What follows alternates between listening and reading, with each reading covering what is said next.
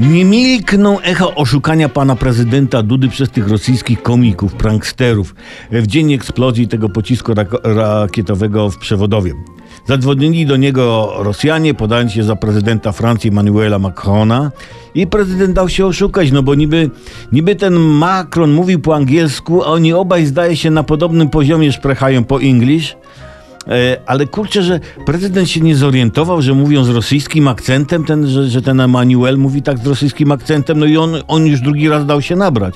Ciekawe, czy jak do prezydenta Dudy, nie wiem, zadzwoni pan Jezus mówiący z rosyjskim akcentem. Cześć Andrzeju, to ja Jezus, to, to, to, to też będzie myślał, że to rzeczywiście on. O panie Jezus, skąd dzwonisz? Mr. Jesus, where are you dzwonisz skąd? Prawda? Po angielsku będzie. Chociaż trudno się dodzwonić do pana prezydenta ostatnio, bo dość nerwowo reaguje na dźwięk telefonu. Jak podniesie słuchawkę, jeżeli już, to od razu spanikowany mówi: Nie ma takiego numeru, nie ma takiego numeru. Bo słuchajcie, jeszcze jeden wkręt i żart przemieni się w tradycję narodową. I tacy różni zaczną dzwonić, kolejka się zrobi, no i oni usłyszą.